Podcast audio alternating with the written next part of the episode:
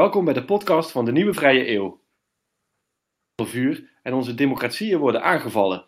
Waar we dachten dat internet en sociale media ons meer vrijheid en gelijkheid zouden brengen, worden deze nu als wapens tegen ons ingezet. Iedereen denkt meteen aan Rusland en pogingen om de Amerikaanse verkiezingen te beïnvloeden, maar misinformatie en trolling gaat veel verder dan dat. En daarom spreken we vandaag met Ruurt Oosterwoud. Met zijn organisatie Drog probeert hij mensen bewust te maken van hoe nepnieuws en misinformatie werken.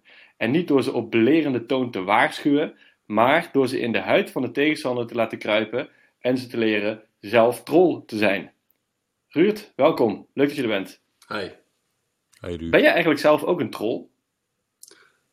Nou, um, ik heb wel, wel degelijk uh, fake accounts die ik uh, gebruik om, om dingen te onderzoeken. Maar um, ik, ik dat probeer. Het heel geheimzinnig. En, nou, het, het, het, is, het, is, het is bijzonder fascinerend om gewoon eens een echokamer in te stappen en, en met um, nou ja, uh, mensen die inderdaad denken dat uh, 5G uh, corona veroorzaakt. Dus je gewoon in gesprek gaat met dat soort mensen. Het is bijster interessant. Maar ik probeer daar dus niet iets, iets negatiefs mee te doen verder. Nee, het is, het is uit, uit interesse eigenlijk. Ja, nee, we hebben wel. En vermaak misschien. Nou, leedvermaak zou het dan zijn, inderdaad. Maar um, het, het, er zit altijd een soort trauma aan dit soort, dit soort mensen die dat soort dingen geloven. Dus het, het, het is interessant om, dat, om daar zeg maar achter te komen. Uh, zeg maar, de, de, laag onder de complottheorie. Maar ik, wil, ik, ik moet eerlijk gezegd zeggen, ik had een, ik had een aantal goede, goede accounts. Die hadden al heel veel volgers, maar, maar Facebook wordt ook wel steeds beter in het verwijderen van die dingen. En ik vergeet altijd weer mijn geboortedata. je, je fake geboortedata. precies, precies. Ja. Uh. Cool dat je er bent, Ruud. Vanavond zijn we hier uh, ook met uh, Tom de Bruyne. Hallo. mijn naam is Mark Thiessen. Tom, heb jij enige ervaring met het zelf trollen online? Nee, ik heb er echt een schurfthekel aan. Ik vind het een heel fascinerend fenomeen. Ik heb vorige week uh, mezelf even toegelaten om op Twitter te gaan. En daar werd ik weer echt zo depressief van de bagger die dan je stream inkomt. Van de diep gewortelde haat, kwaadheid en vooral verontwaardiging. Dat ik eigenlijk wel meteen mijn dosis weer gehad heb en snel weer offline gegaan ben. En door het raam keek en zag dat de wereld nog steeds goed was. Toch wel, hè? Ja. Dat is altijd weer even schrikken als je van Twitter afkomt wat je dan in de echte wereld ziet. Jeetje man. Ja. Fatsoenlijke mensen, geen chaos. Ja, ja, ja. Het lijkt echt twee totaal verschillende universa te zijn. Het is ook wel grappig, want wij, wij, mijn hele organisatie draait om, om desinformatie. En ik heb zelf geen Facebook, ja, ik kijk eigenlijk nooit op Twitter, ik doe niks met Instagram. Um, die, die, het, het, het op, de, op social media zitten is voor mij gewoon een, een, een crime. Maar je hebt er wel je werk van gemaakt. Ja. Hoe ben jij uh, op dit pad gekomen? Mm. Er is geen opleiding, opleiding denk ik, voor... Uh, uh, nou, een soort van. ik, ik studeerde Russisch. ik, ik studeerde Ruslandkunde aan de Universiteit Leiden. In 2014 was ik bezig met mijn master. En dat was dezelfde tijd dat er in Oekraïne de, de Maidan-protesten losbarsten. En daar was natuurlijk een hele sterke invloed ook vanuit Rusland. Uh, ook in de hele oorlog die daarna kwam. Uh, en op dat moment zag ik eigenlijk voor het eerst allemaal gekke onzinberichten. Waarvan het ook heel moeilijk was om te bepalen of het nou wel of niet waar was. Omdat er maar weinig journalisten in de buurt waren. En de ene journalist sprak het tegen, de ander bevestigde het weer. Um, uh, alle, alle van nature best betrouwbare persbureaus uit, um, uit, uit Rusland waren in één keer uh, uh, eigenlijk omgetoverd tot staatspropagandaapparaten. En, en dat, dat had de rest van de wereld eigenlijk nog niet door. Dus ook, ook onze Nederlandse uh, grote kranten, die namen dat gewoon over. En dat leidde bij mij tot zo'n frustratie dat ik dacht, hoe kan het nou zijn dat ik de kluts kwijtraak, terwijl ik het Russische nieuws kan lezen, het Nederlandse nieuws kan lezen... En ik zie gewoon dat er onwaarheden worden verspreid, maar er is op geen enkel moment iemand die iets toegeeft. En dat dat een soort van volledige vrijplaats gaf voor onzin. Ja. En, en dat frustreerde me zo dat ik dacht, ik wil daar gewoon niet meer gefrustreerd over zijn. Uh, en dat heeft ertoe geleid dat ik mijn uh, afstuderen volledig heb gefocust op, op, op, Russische desinformatie. En dat was 2015. Er was een, een tijd dat, dat niemand het daar nog over had. je had een, een niche van misschien, nou ja, als je je best deed, dan kon je wereldwijd 200 mensen bij elkaar brengen die dit als een probleem zagen. En dan was het voornamelijk een Oost-Europees probleem. Want uh, ja, wij, wij in Europa hadden natuurlijk, West-Europa had een uh, onafhankelijk medialandschap. Dus, dus dan, dan was je veilig. En alleen in de regio's waar, waar ja, onafhankelijke journalistiek uh, te duur was of, of, of niet bestaand, zou, dat, zou, dat, zou desinformatie een probleem kunnen zijn, was toen de gedachte. En is het bij jou dan een fascinatie met wat daar gebeurt? Of was het echt een, wat je noemt, een, een ergernis? Ja, allebei. Ik, ik, ik hou altijd van het zoeken naar oplossingen. Dus voor mij was dit ook al direct een soort van: ik zie een probleem en ik begrijp het niet. Ik wil, ik wil het vast kunnen houden. En ik wil iets bedenken wat wel een verschil gaat maken. In plaats van nou ja, wat, wat, wat, wat al vrij snel de, de standaard reactie dan is, is dus inderdaad, nou, dan moeten we uh, onafhankelijke journalistiek steunen, want dan lost het probleem op. Dat was niet zo. Uh, dan moeten we gaan factchecken, want als we de waarheid gewoon duidelijk vertellen en als mensen het dan iets, iets, iets geloven wat niet waar is, dan moeten we het zo gewoon nog duidelijker uitleggen. Dat, dat werkt ook niet, hebben we gezien. En, um, en mijn hoofd gaat dan gewoon allemaal, allemaal dingetjes bedenken. En zo kwam eigenlijk het hele idee voor, voor Drog was eigenlijk ontstaan vanuit de gedachte: laten we gewoon een generator bouwen. Gewoon een, een website, een machine met één druk op de knop. En je genereert gewoon random onzin, random emotionele plaatjes erbij. Um, je, je, je, je gebruikt Twitterbots die dat automatisch gewoon weer versterken over heel Twitter. Waardoor je met één druk op de knop onzin de wereld inslingert die heel geloofwaardig lijkt. Wat extra bronnen erbij en zo. En dat, en dat, dat kan nog steeds. Um, alleen niemand zag in dat, in, in dat idee zag niemand een, een, een businessmodel of een soort uh, iets goeds voor de wereld. Dus dat, dat heeft met wat omwegen is dat een, een serious game geworden in de tijd. Ja. En, en want jouw bedrijf Drog, dat is, dat is dus niet zo lang daarna eh, begonnen. Uh, en wanneer merkte jij dat er eigenlijk interesse kwam in wat jij aan het doen was? Dat is een goede vraag. Ik, ik, um, sowieso al tijdens, tijdens mijn afstuderen werd ik al benaderd door Buitenlandse Zaken om een onderzoekstage te doen over desinformatie. Dus ik, in 2015 zat ik al in, in de diplomatieke wereldje uh, rondom, rondom desinformatie. Uh, dat was op dat moment voor mij al een, een teken van: oké, okay, er, is hier echt wel uh, interesse in. Alleen dat, dat, dat reflecteerde nog niet in, de, in, in, in dat er ook banen voor waren of zo. Dus na mijn stage heb, heb, heb ik ook nog geprobeerd diplomaat te worden. Dat was ook een leuk avontuur, maar dat, dat is in ieder geval gekomen. Um, maar op het moment dat wij die game hadden gelanceerd, merkten we al dat het. Uh, uh, uh, mensen vonden het leuk om te doen. Dat was al, dat was al één ja. pluspunt. maar we hebben dat samen gedaan met de Universiteit van Cambridge. En daar hebben we onderzoek mee gedaan en daaruit bleek dat we gewoon eigenlijk goud in handen hadden. Omdat we door mensen in de, in de schoenen van de slechterik te plaatsen, uh, ze eigenlijk een vaccin toedienden. Dus een, een psychologisch vaccin. We geven jou een, een verzwakte dosis van het, van het probleem. En omdat je er zelf mee aan de slag gaat, leer je dat helemaal jezelf. Je, je, je, je, je begint al die technieken te begrijpen en dat maakt je resistenter tegen wanneer die technieken tegen je gebruikt worden. En ja. dat, dat, dat hebben we dus nu gewoon zwart op wit in, in, in publicaties in Nature Communications. Um, maar dat, dat leidt alsnog, is het, we hebben nog steeds moeite met het overtuigen van overheden en bedrijven dat, dat juist dat toedienen van, van dat slechte, dat dat iets goeds is. Ik heb je ooit horen vertellen, je stelde jezelf geloof ik ooit, dat was op een congres die wij vorig jaar organiseerden, waar jij keynote spreker was. Introduceer jezelf, uh, introduceerde je jezelf als ik, uh, ik, ik run uh, troll farms met, uh, met, met, met tienjarigen of zo. Ja, kinderarbeid. Met kinderarbeid. Oh, die, die draaien op kinderarbeid. Vond ik een geniale introductie. Ja. Kan, je, kan je eens iets vertellen? Heb, zijn er eigenlijk ook echt spectaculaire um, stukjes desinformatie ja, nou, die echt gaan vliegen zijn? Nou, dat is, dat is, dat is leuk, inderdaad. Kijk, um, je, je, krijgt vaak ook de vraag: is het dan echt een probleem? En als ik dan even nadenk wat ik zelf al zou kunnen doen, en wat we dan dus ook zelf hebben gedaan, dan denk ik: ja, als ik dat kan, dan, dan, kunnen mensen met een slechte intentie dat al helemaal. En een van die dingen was dus inderdaad: eigenlijk hebben we die generator uiteindelijk ook nog gebouwd. Dat werden schoolworkshops. Waarbij we dus inderdaad uh, op basis van kinderarbeid, dus, dus uh, scholieren tussen de, nou wat is het, uh, de 14 en de, en de 18 jaar, die lieten we zelf stukken nepnieuws schrijven op een nepnieuws website van ons. Dus, uh, dat, en dat deden we allemaal. Dus dan hadden we 200 scholieren. Tegelijkertijd in teams gingen ze dan uh, een, een, een artikel bedenken met gewoon eigenlijk alleen maar een kop, een emotioneel plaatje en drie zinnen. Meer had je niet nodig. En dan fakten ze nog even hoeveel likes het al had en hoe vaak het was gedeeld. En dat slingerden ze dan echt online. Dus dan drukten ze op publiceren en dan gingen ze dat verspreiden binnen hun eigen netwerk.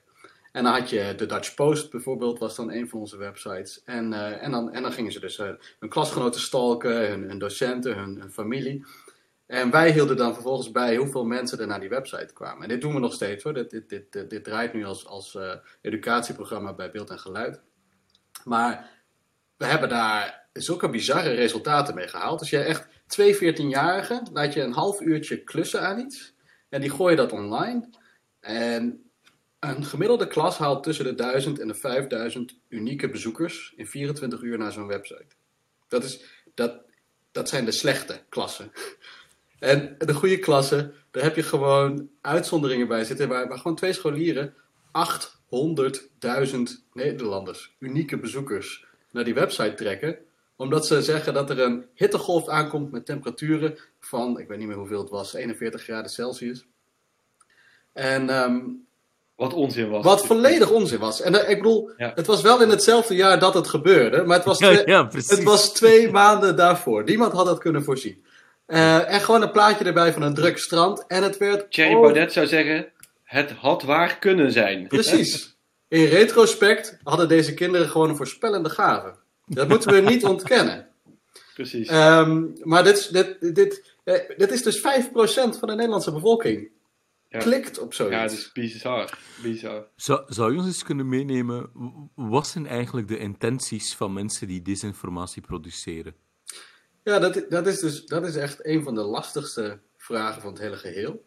Want um, eigenlijk is het een, het is een, het is een supply and demand. Hè? Dus vraag en aanbod. En die zijn eigenlijk best wel goed op elkaar afgestemd.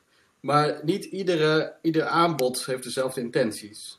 Dus als we het inderdaad hebben over Rusland en China en Iran, dan kunnen we het heel mooi hebben over die state actors die uh, vanuit de overheid uh, trollenfabrieken aansturen om hun chaos te voor, voor, veroorzaken in het buitenland, want dat zou hun politieke agenda dienen. Nou, daar hebben we zeker bewijs van, dat bestaat. Uh, maar in hoeverre dat bijdraagt aan het totale bult van desinformatie die je online op social media nu vindt, is dat eigenlijk heel moeilijk te zeggen.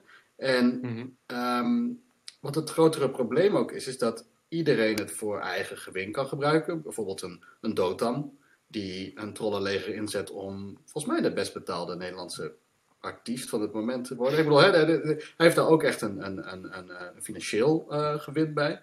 Uh, dan heb je natuurlijk nog de, gewoon de, de clickbait-boeren. Die hebben er ook. Hè, dat, dat is dan wat minder, is wat onschuldiger, maar het, het, het levert ook alleen maar onzin op. Uh, en zo zijn er allemaal verschillende ja, uh, intenties om desinformatie te verspreiden. Maar het, is, het blijft altijd moeilijk om terug te gaan naar waar komt het oorspronkelijk vandaan en wie heeft het dan met welke intentie gedaan. En al helemaal als je dus desinformatie ook nog eens definieert als iets wat opzettelijk verspreid is. Uh, wordt het eigenlijk een, een, een volledig onmogelijk definieerbare term. Want het, volgens mij het allergrootste probleem met desinformatie is nog, is niet zozeer degene die begint met het verspreiden, maar degene die dus inderdaad begint met het verspreiden, die, die iets creëert, die precies weet wat de, de, de, de, de vraagzijde wil krijgen. Uh, en vervolgens eigenlijk die vraagzijde de rest van het werk laat doen. Omdat die, die willen het zo graag hebben dat ze de beste verspreiders worden van datzelfde bericht. En die vraagzijde, dat, dat, zijn, dat zijn normale ja. mensen. En, en je zegt uh, dat de, de verspreider of de maker van het bericht weet wat de vraagzijde wil. En er wordt veel AB getest. En je hebt je, er worden allemaal proefballonnetjes opgelaten in bepaalde groepen om gewoon te kijken wat blijft plakken. En als het goed plakt, dan, dan gooi je het eruit. En als dat een politieke uh, intentie is, of een, of, een, of een geldelijke intentie, of een, uh, een, een, een, een statelijke intentie, dat maakt verder allemaal niet zoveel uit. Je hebt, je hebt allemaal meme-websites, ook in, voor, voor de Russische trollenfabrieken, waar je gewoon allemaal gecategoriseerde memes hebt. En, ja. en degenen die goed werken zijn populair en die worden gewoon constant weer hergebruikt. Ja. Kun je mij dat linkje sturen van zo'n website? Ja, ehm, ik, ik, ik, ik, stuur hem je na de, na de aflevering. Maar, ja.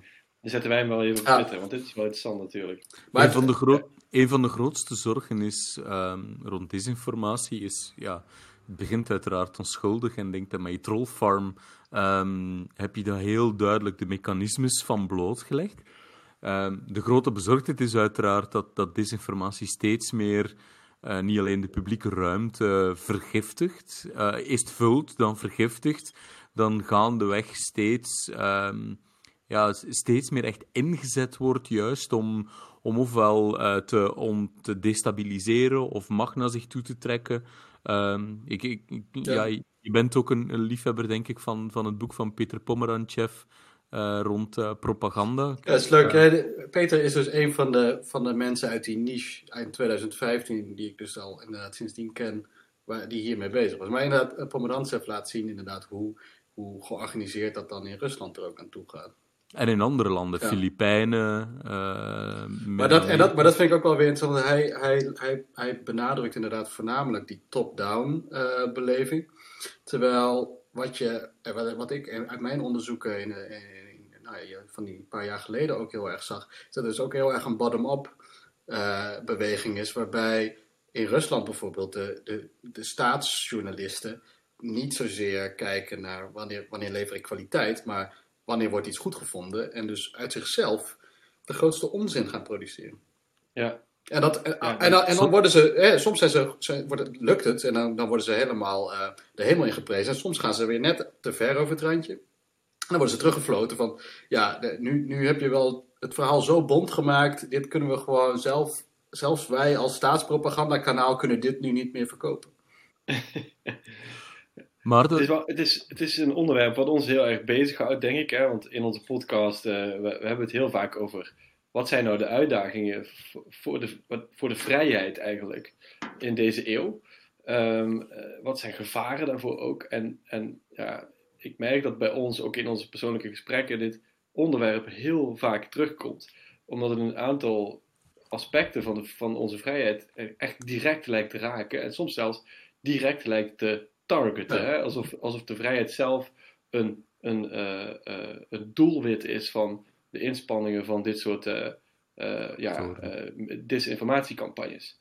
Um, dus we kunnen er best wel lacherig over doen natuurlijk, want het is, dit is ook wel grappig en het is interessant en er komen heel veel interessante, grappige voorbeelden uit. Maar het is vrij, ja, bijna angstaanjagend als je ziet hoe het tegenwoordig ook gebruikt kan worden om echt te destabiliseren. Uh, ja. hoe, hoe, zie jij dat? Heb jij, heb jij daar, uh, laat ik het zo vragen, uh, ik ben daar nu al heel, heel negatief over, pessimistisch over. We hebben, we hebben een keer samen gesproken en toen heb je mij heel erg laten schrikken met, ja, maar wat jij nu denkt dat gevaarlijk is, dat is eigenlijk al drie jaar in het verleden. Ja. kun je daar wat meer over vertellen? Ja, um, ik, ik, ik, sowieso mijn uitgangspunt in, in dit hele ding is dat we, we, we zullen ermee moeten gaan leren leven, want we kunnen het niet tegenhouden dat het er is. In dat opzicht, ik ben het helemaal met jullie eens dat, dat het, het, het is zo destabiliserend en er gebeuren zoveel vreselijke dingen. En ik bedoel, ik, ik leef niet zozeer mee met, met 5G-torens, want die hebben geen, geen gevoel. Maar in India gaan hier gewoon ook, hè, via WhatsApp werden daar uh, berichten verspreid waardoor mensen gelyncht werden. En uh, en eerlijk gezegd denk ik dat dat zelfs in Nederland zou kunnen gebeuren met, met, met de juiste mix aan, aan, uh, aan, aan omgevingsfactoren. Um, en inderdaad, waar, waar ik mij aan stoor, is dat het hele debat inderdaad vaak gaat over, ja, maar we, we hebben gezien wat er in 2016 met de verkiezingen gebeurde. Dat mag nooit weer gebeuren, dus we, we gaan daar heel erg op focussen. En we, uh, we, we, we moeten beter inderdaad uh, ja, eigenlijk die, die aanbodzijde, uh, daar, daar moeten we regulering op toe gaan passen, zodat mensen in ieder geval weten wanneer iets wel of niet waar is. Uh, en dat leidt er dus toe dat, um, dat, dat, dat bijvoorbeeld een Twitter dan een, een, tweet van Trump aanpast en dat wij dan zeggen, hè, hè, eindelijk gerechtigheid, want nu, nu is tenminste duidelijk dat hij niet de waarheid sprak. Um, terwijl als we dat gaan doen, dan blijven we eeuwig bezig. Uh, en we zijn nog steeds gewoon op de inhoud bezig, dus uh, die, die, die, die, content. En uh, als ik dus hierover nadenk, dan denk ik, ik kan, ik kan veel meer content produceren, geautomatiseerd, dan dat iemand ooit zou kunnen checken. Um, en hetzelfde als met een Trump. Wat, waar, waar, trek je dan een grens wanneer je wel of niet een, een boodschap erbij plaatst? En dat is, dat is onbegonnen werk. En, en in dat opzicht is het een hele sombere toekomst.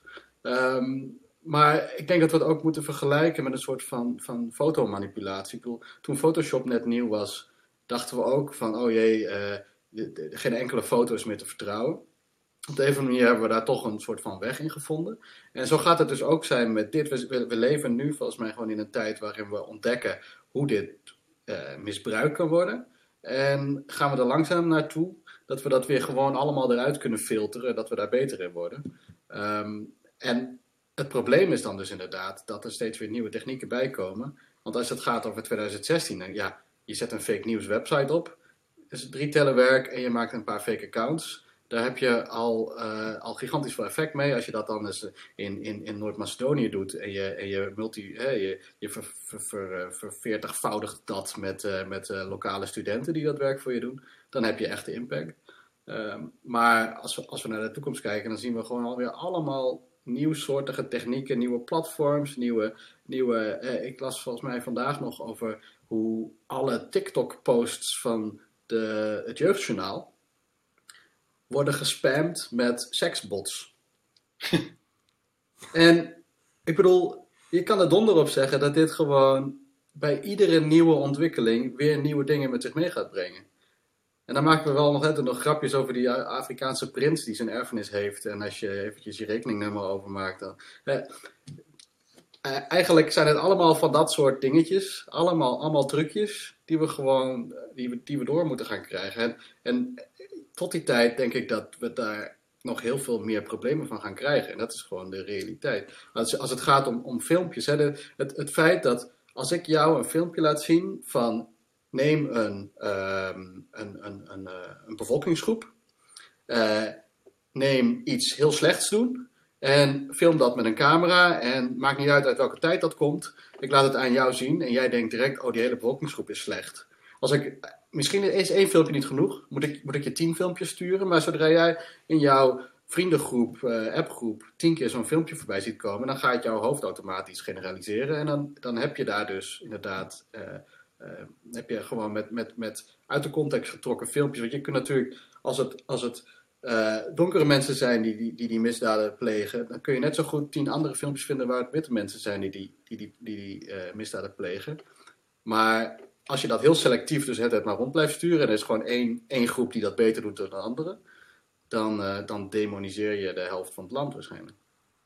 Maar hoe kan je dan zoiets je zegt we moeten ermee leren leven en we vinden wel een manier, maar dit kan zo ingrijpend zijn dat, er, uh, dat het systemisch wordt, hè? Dat, het, dat het niet meer een dingetje is waar je mee moet gaan leren leven, maar dat het hetgene is wat je leven ja. uh, bepaalt, hè? Ja. Of, of, je systeem bepaalt. En dan zit je wel echt in een andere situatie. Hè? Dus dat moet je bijna. Van, uh, dus, dat, dat je dus, en ik geloof dat oprecht, als jij iemand tien keer iets laat zien over een bepaalde bevolkingsgroep met een bepaalde eh, boodschap uh, op een bepaalde manier in beeld gebracht. Ja, dan gaan ze, daar, dan gaan ze dingen denken over die bevolkingsgroep. Ja. Uh, Henk, Henk Bres was nog laatst. onze, ik, kom, ik woon hier in Den Haag, maar hij zit hier volgens mij in de gemeenteraad voor de PVV.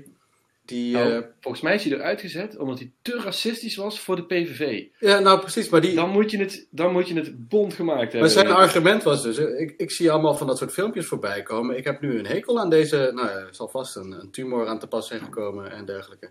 Maar ja. dat, dat, dat, dat, dat, dat is dus gewoon... Um, het, het, het, het niet in context kunnen plaatsen van de informatie die je tot je krijgt. En als je die informatie zo selectief kan toepassen. En dat is dus ook het grotere probleem aan, aan, aan desinformatie. Het gaat niet zozeer ook weer, als het gaat om die aanbodzijde, aan dat er gewoon heel veel geproduceerd wordt. Het wordt ook nog eens gemicrotarget op jou. Hè? Als je naar zo'n Cambridge Analytica kijkt. Die weten, gewoon exact op wat voor knopjes ze moeten drukken bij jou om je emotioneel vatbaar te maken. Ja. Dat, is, dat, is, dat datgene wat, ja, waar ik zo constant mijn, mijn hoofd overbreekt. Dat, voor mij is de, de, de puzzel waar ik mee zit rond desinformatie, is dat er een enorme afwijking is. Eh, dat, ehm, ja, dat, dat er een disproportioneel gebruik van gemaakt wordt door partijen die eigenlijk er alle belang bij hebben om uh, verontwaardiging en kwaadheid en tweespalt juist op te drijven. Dus mensen zoals ik, die voelen volstrekt niet de behoefte om te gaan kankeren en zeikeren en demoniseren en, en eigenlijk ja, constant op Twitter te lopen roepen hoe verontwaardigd ik ben en dat het toch allemaal een schande is. En gaandeweg zie je dus, door het feit dat degenen die daar alle belang bij hebben, um, dat disproportioneel verder aanwakkeren, met als een soort... En daar zitten mensen tussen die het heel expres doen. Um, politieke partijen, state agents, er zit er heel veel tussen die gewoon, zo die tweede laag, die zowel dader als slachtoffer zijn, meen ik jou ooit ge uh, horen gezegd te hebben, ja, die, die ook kwaad zijn. Maar intussen wordt zo langzaam niet alleen die publieke uh, conversatie of de publieke ruimte online, maar eigenlijk heel de publieke ruimte langzamerhand vergiftigd met dit soort dingen. En dan krijg je ook nog eens die uh, algoritmes eronder, die juist weten dat hoe meer we die verontwaardiging in, de, in sociale netwerken verder slingeren, niet alleen online, maar eigenlijk ook in media offline, hoe meer kliks, hoe meer bereik, hoe meer inkomsten we daarmee hebben.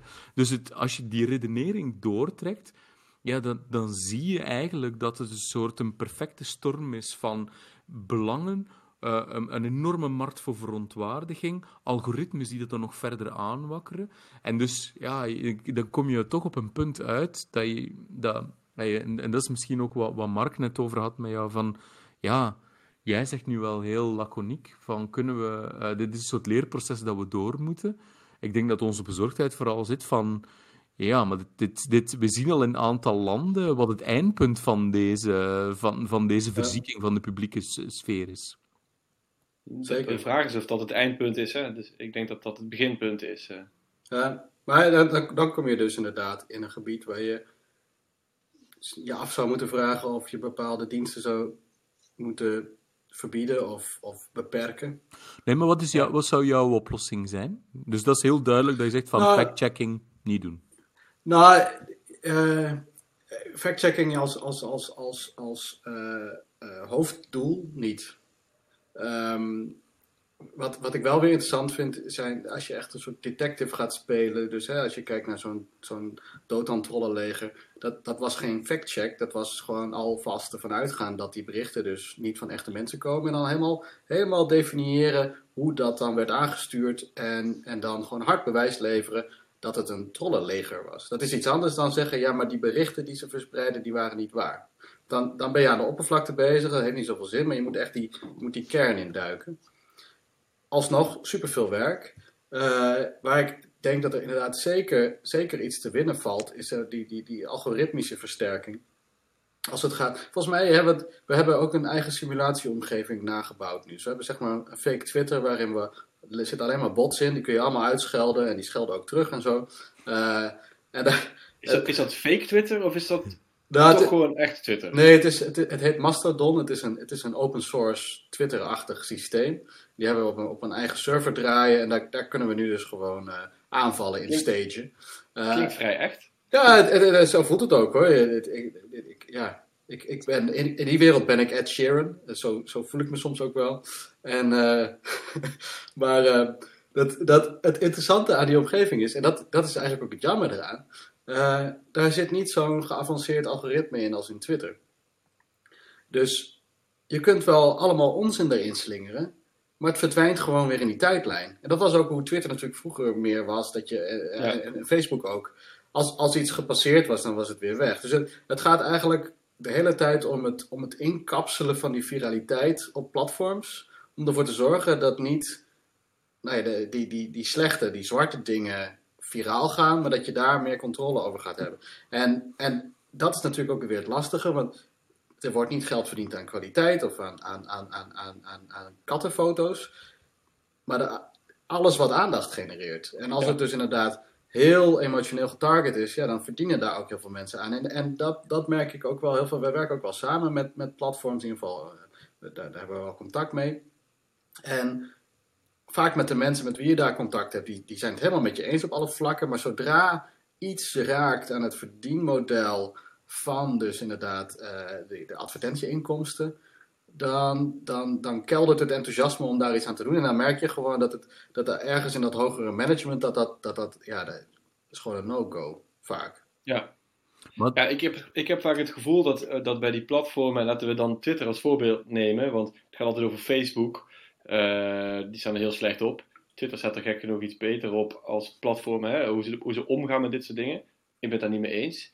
Uh, ik heb vaak het idee dat er gesleuteld wordt aan de non-vital parts, maar ze laten de, de infrastructuur van, van het, hetgene wat kwaad doet in, intact dus je kan, je kan bijvoorbeeld, Twitter is bezig met dingen als, we willen het platform vriendelijk maken, dus we zetten een like-knop erop. Nou, wat gebeurt er? Mensen worden super sterk beïnvloed door hoeveel likes iets heeft. En de, de, de content zelf maakt dan niet zoveel meer uit. Het kan hele hatelijke content zijn. Hoe meer likes het heeft, hoe meer mensen het ook weer gaan liken. Uh, dan denkt Twitter, nou, we moeten misschien de mogelijkheid inbouwen om, om de, de auteur van een tweet reacties te laten uitschakelen. Hè, om ze te beschermen tegen abuse, tegen trollen, tegen aanvallen van andersdenkenden. Uh, wat gebeurt er?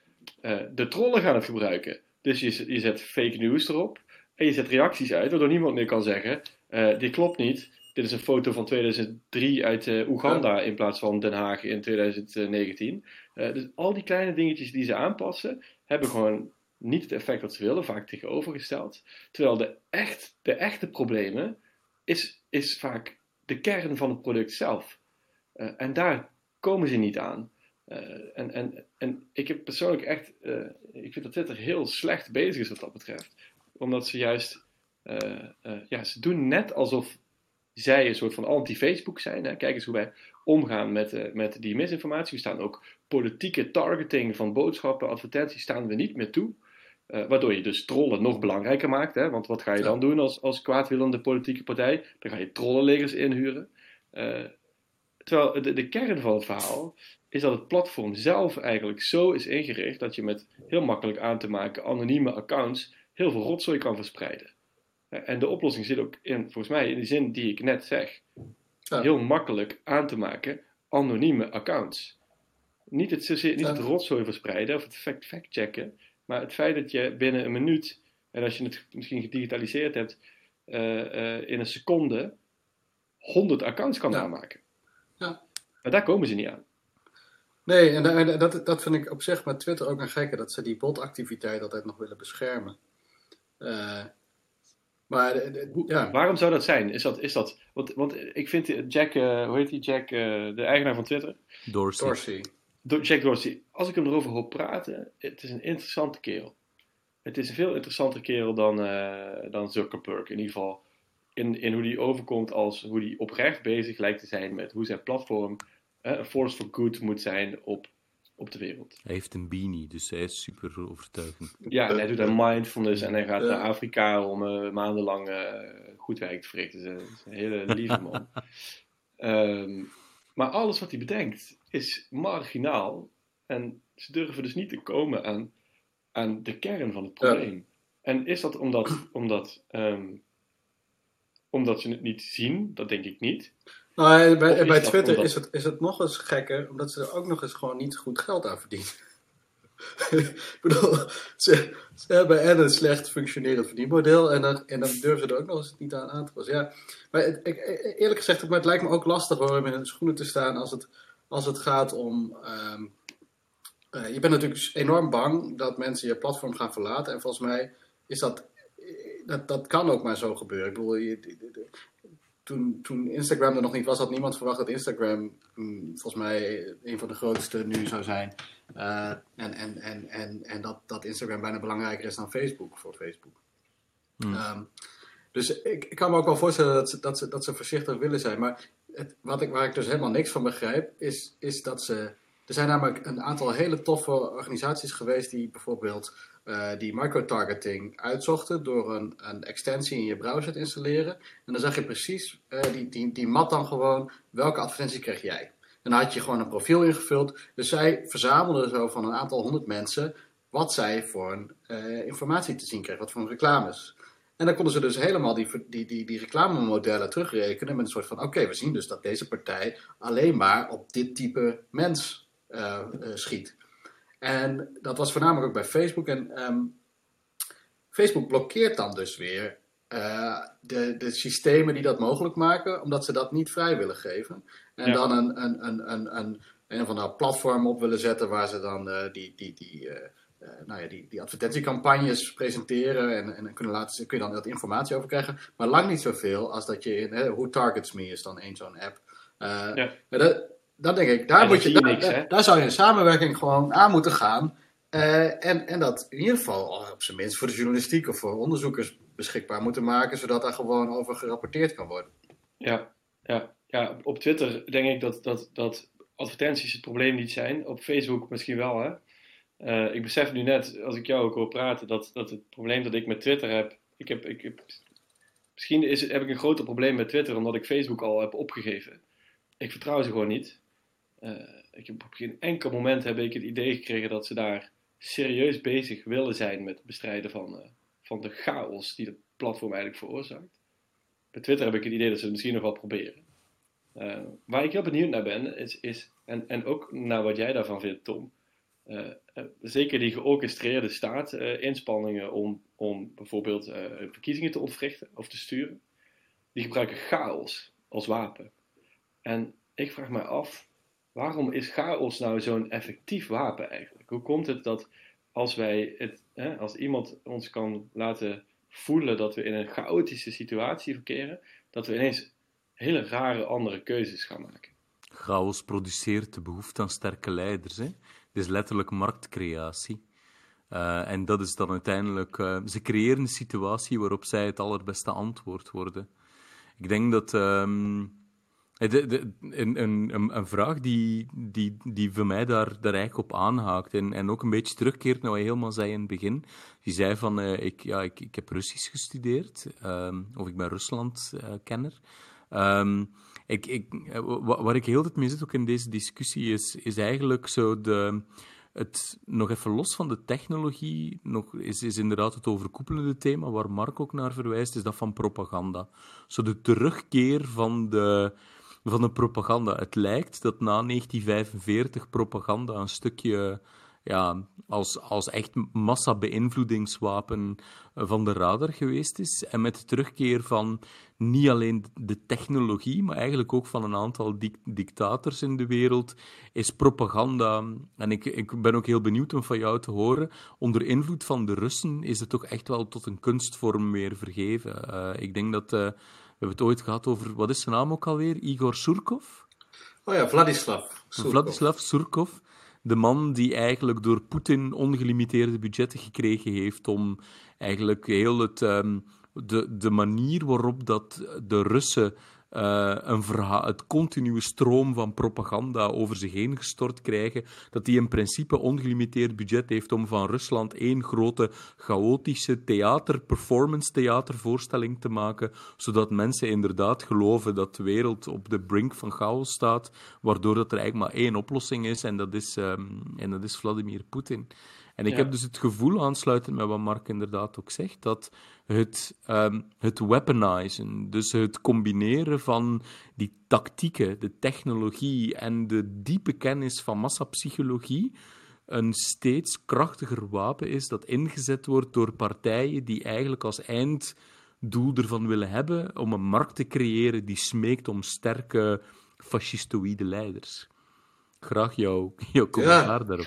Graag jouw bevestigende antwoord. Nee, jouw commentaar erop, zeker als Rusland-kenner, is wel fascinerend. Het, het, wat, wat interessant is, is dat, dat volgens mij by accident hebben ze gewoon ontdekt dat het ook buiten Rusland werkt. Want je moet je voorstellen dat het, dat het Russische internet al, al eigenlijk vanaf conceptie best uh, beperkt is door de staat. Um, er was een hele actieve blogosfeer. Dus er werden heel veel webblogs geschreven. Uh, en, en, en daar werden al, al, al, al uh, nou ja, harde regels in getrokken om. om als, je, als je meer dan 3000 mensen had die jouw weblog lazen, dan werd je gezien als massamedium. Dat, dat soort dingen vonden toen al plaats. Um, en, die, en die trollen die waren dus ook voornamelijk gewoon gericht op het controleren van het, van het binnenland. En dan dus inderdaad niet op zo'n manier dat, dat China dat kon, maar inderdaad door de publieke opinie zo te bespelen. En uh, Oekraïne heeft er dus voor gezorgd dat het een soort, en eigenlijk in eerste instantie ook al een kortstondige oorlog in Georgië, zorgde ervoor dat ze dat buiten de grenzen konden testen. En dat werkte zo goed dat het gewoon eh, opgeschaald is naar internationaal niveau. Maar volgens mij is dat een, trial and error geweest dat het in één keer dat het, dat het lukte. Hoe bedoel je, het werkte zo goed? Uh, nou, als het gaat om, om, uh, om, om de oorlog in Oekraïne, er is daar nog steeds, tenminste, ja, de Oekraïners weten wel dat die Russen het, het, het, land in zijn getrokken en dat die, dat die, dat die, die twee kleine republieken worden gesteund door het Russische leger. Maar dat, is nog steeds, dat wordt nog steeds volledig ontkend door, alle, door, door, door Rusland. Ehm, maar dat betekent niet dat, dat de mensen daar een consensus hebben over dat, wat er dan precies is gebeurd. Dus dat, dat, dat, dat, dat, helemaal verstoren. En, en ook dus in die eerste dagen van die, van die, van die bezetting van Oost-Oekraïne. Niemand, niemand in de wereld begreep wat er gebeurde. En dat kwam gewoon doordat het eerste wat ze aanpakten waren televisietorens en dergelijke om gewoon het, het, het, het nieuws te domineren. Zie, die, die Oekraïnse soldaten die hadden geen flauw idee wie die mensen waren zonder badges. Ja, eh, Russen, maar ja, niemand zei dat het Russen waren en niemand kon het zeggen. Dus het, het was gewoon zo'n schimmig geheel. Maar goed, dat is natuurlijk een hele militaire tak ervan. Um, maar maar dat, dat, dat, dat, dat, dat was dus 2014, dat je gewoon zag hey, dit, dit, we, we, kunnen, ja, we, kunnen allemaal fake Oekraïns nieuws nabootsen en, en niemand weet nog waar het over gaat. Maar um, inderdaad, die terugkeer, die terugkeer van die propaganda is wel, wel degelijk interessant. Ik, ik, ik, ik stoor me er ook wel soms een beetje aan dat het lijkt alsof dus die desinformatie, een term die dan Stalin ooit bedacht zou hebben in de, in de jaren 60. Nee, toen leefde hij niet meer. ik ben Rusland kenner, hè. Dat, ja. Nee, maar... Uh, je ontkent staan. nee, maar uh, uh, in ieder geval dat die, dat die term dan inderdaad zou bedacht zijn. En, en je hebt dan die Gerasimov-doctrine, een, een Russische generaal die dan dus de, de, de, de, de informatieoorlogsvoering uit zou hebben geschreven en zo. En, en dat beeld wordt ook wel deels geromantiseerd in dat opzicht. Dat, dat, zoals van meneer Surkov is ook gewoon uh, de helft van de tijd paria aan het Russische Hof omdat, omdat ze ook weer niet weten wat ze met hem aan moeten. Hij is trouwens ook uh, fictieschrijver. Uh, van absurde, uh, dystopische romans. Ja, maar onder een, onder een alias, toch? En daar zijn ze achtergekomen. Ja, maar nou, mij boeit het hem ook helemaal niks. Maar in ieder geval, die, die, um, ja, hij ziet het als een dus- kunstproject, hè? als dus- performance art. Dus er is zeker in die. Ik bedoel, ja, Rusland is gewoon een maffiastaat. En, en, en, en daar hebben ze gewoon een aantal juweeltjes in ontdekt. die ze inderdaad geld hebben gegeven om iets te ontwikkelen. En daar, en daar zijn ze redelijk succesvol in. Succesvoller dan, dan in gewoon normaal je staat runnen. Maar um, uh, het, het, het, het, het, het helpt ze ook als wij ze groter inschatten dan dat ze werkelijk zijn. Dus um, dat zo'n trollenfabriek in Sint-Petersburg zit en dat, dat die misschien effect heeft gehad. Um, als, hoe, hoe, groter wij dat opblazen, hoe groter Ruslands invloed lijkt, hoe, hoe meer zij ja. hun zin krijgen. Is zit daar niet een oplossingsmodel in ook? Wij denken vaak in, in mentale modellen. Uh, Tom en ik zijn er nogal door uh, gefascineerd. Um, valt me net in. Uh, kan je zeggen dat zeg maar, op, op, op, het moment dat je dit soort tactieken probeert toe, toe, te passen, zoals de Russen doen, maar ook zoals de Trump-campagne laatst deed met Obamagate, uh, je, dan ben je eigenlijk bezig met van iets, ja. van niets iets maken. Iets maken. Ja. Dat betekent dus, als je dat doorredeneert, dat ze ook niets hebben, dat er niets, het is eigenlijk ja. niets zijn. Hè? Dat er niets is wat zij hebben, niets wat van waarde is, niets wat ze zouden kunnen verkopen op een normale nee. manier. Als je dus iets hebt wat wel van waarde is, zou je nooit dit soort tactieken toepassen. Ja, dus is dat nou ja, een model ja. wat je zou kunnen trainen bij mensen? Dat als je ziet dat dit gebeurt, dat dat bete waarschijnlijk betekent dat het een lege huls is. Uh, een beetje zoals je vroeger, uh, uh, hè, zoals je met kwakzalvers om, omging of zo, of, of, met illusionisten. Dat je, je ziet het ze doen, maar je weet dat het, dat het er niet is. Is dat een mentaal model waarmee je hier kan waar, waarmee je hier. Nou, volgens mij, volgens mij moet, je dan, moet je dan ook naar, naar de samenleving kijken en je afvragen: maar wil de samenleving dan waarde? Of, of is het iets wat geen waarde heeft, misschien waardevoller op dit moment dan iets van waarde? Als je kijkt naar zo'n zo Pizzagate ook, hè, ik bedoel, er is een, een, een bizarre complottheorie over een, over een, een, een pedofiele ring in, in, in een pizzeria in Washington.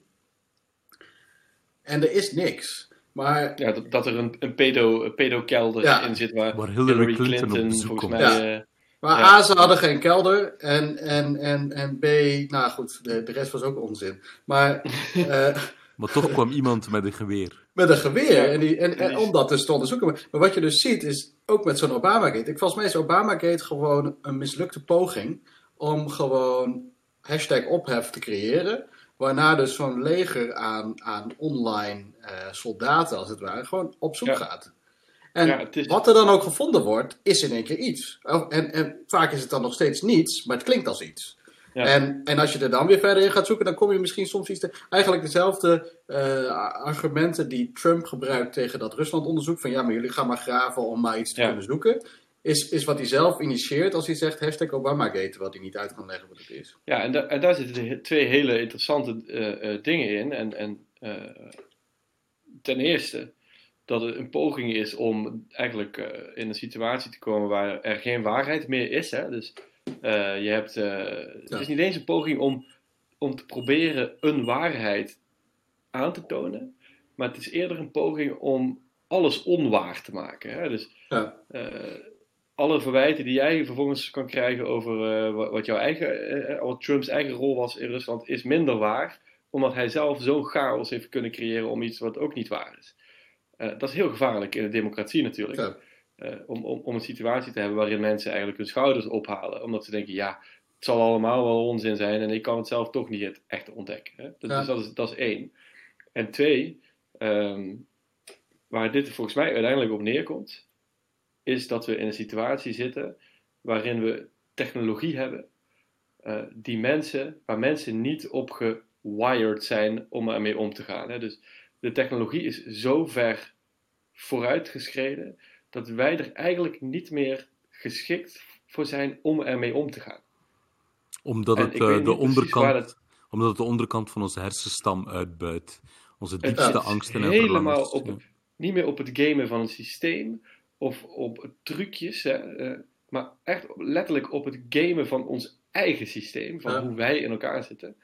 Uh, technologie kan ons volledig bespelen. Ja. En, en misschien als je tien jaar geleden dit zei, dan hadden mensen gezegd, nou ja, je bent gek joh. Uh, als je het vijf jaar geleden zei, dan had je Ruud Oosterwoud die, die zei, ja, maar misschien uh, klopt dat wel. Inmiddels denken heel veel mensen dit. Kan je nagaan waar het over vijftien jaar staat, ja. deze ontwikkeling. En dat is wel heftig joh.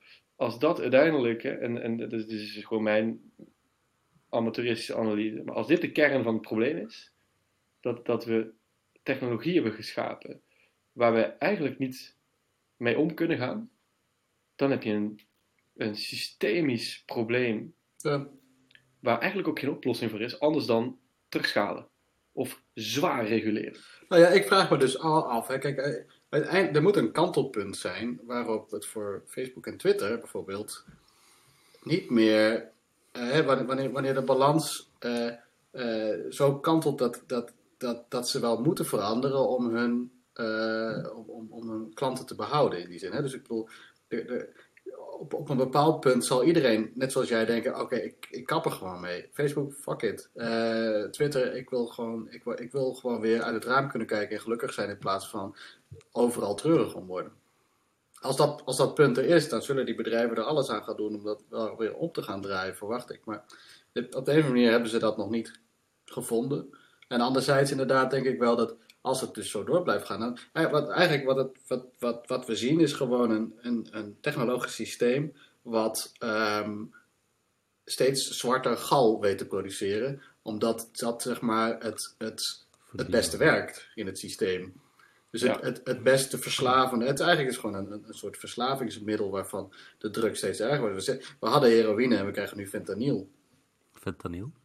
Zo, ja, dat is die. Uh, hoef je maar aan te raken en dan, en dan valt een, een boom van een politieagent valt gewoon uh, in buiten bewustzijn. Ja. ja. Ja, dat is, dat is precies wat het is, denk ik. Die vergelijking. Dat is precies wat het is, denk ik. Die vergelijking. Hè, waar je zeg maar uh, een halve gram heroïne, wat, wat is het? Is, is, is, is een paar milligram fentanyl is even sterk als een halve gram heroïne. En dat is, dat is waar we nu in zitten. Het is inderdaad zwaar, zwaar, zwaar sterker geworden alles. Ja. Ja. Maar, wat, wat is maar, de staat van, van propaganda in Nederland, denk je? Ja, is, uh, is, wel, is wel een goede vraag. Ik, ik, waar ik altijd, um, waar ik altijd een, uh, ja, voor terugdeins zijn alle, alle keren dat je dus inderdaad het hebt over desinformatie en, en, en vervolgens komen mensen terug met van ja, maar de Amerikanen en de Irak-invasie, dat, dat, was, dat was veel erger, dat waren pas leugens. Um, dat, dat is vaak, als ik met iemand, als, als het gaat over propaganda in Nederland, dan, dan is dat een beetje het niveau. Um,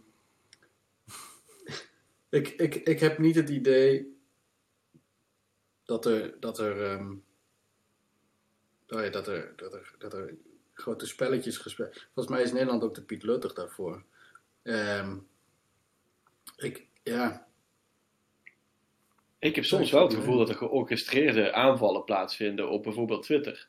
Nou, uh, kijk, ik, ik, ik, propaganda, dan denk ik inderdaad echt aan een soort van uh, visie ook nog, zeg maar, die je erbij zou willen. Oh ja, goed, ja. Ja, um, de, de, ik, ik, zie, ik zie vaak genoeg twijfelachtige, uh, twijfelachtige ja, stromen aan, aan, aan dezelfde berichten. Waarvan ik me afvraag of ze inderdaad. Maar ja, dat, wij zitten natuurlijk, wij worden niet getarget door extreme partijen, omdat ons uh, grootstedelijk hmm. profiel er sowieso niet in past. Als ik bijvoorbeeld kijk nu naar naar Vlaanderen. Daar heeft Vlaams Belang in de laatste verkiezingen terug. Het was terug sinds, eh, voor het eerst sinds de jaren 90 weer Zwarte Zondag in België, zoals het dan heet. Omdat het Vlaams Belang gewoon alle partijen overspoelde. Met nog steeds dezelfde. Het, er, is, er is niks veranderd. Eh, maar wat zij wel ontdekt hebben was uh, microtargeten op social media. En gewoon wisten van tot op de kleinste vezel, ja. het kleinste dorpniveau gaan we met uh, microtargeten proberen de lokale kwaadheid en verontwaardiging uh, te gaan munten. Met gigantisch succes. Dus, de, de, de dus misschien ik zit na te denken en ik denk dat, um, dat je misschien gelijk hebt. Misschien is het niveau van propaganda in Nederland valt het nog mee. En maar noem je dat dan, dat dan ook al propaganda in die zin? Ja, natuurlijk, omdat het. Uh, ja, dus, dus de, de, de, ja, de, de scheidslijn zit inderdaad in. Is het op basis van leugens of is het op basis van gewoon uh, het opjutten van kwaadheid en verontwaardiging? En, en dat, kan ik niet, dat kan ik niet zeggen. Als het zo is dat ze verkiezingen gewonnen hebben op basis van het opjutten van kwaadheid en verontwaardiging, zonder dat er per se leugens aan te pas komen, dan is het een complete vrije democratische recht. En moet, en, en moet je dat ook respecteren dat heel veel mensen erop gestemd hebben.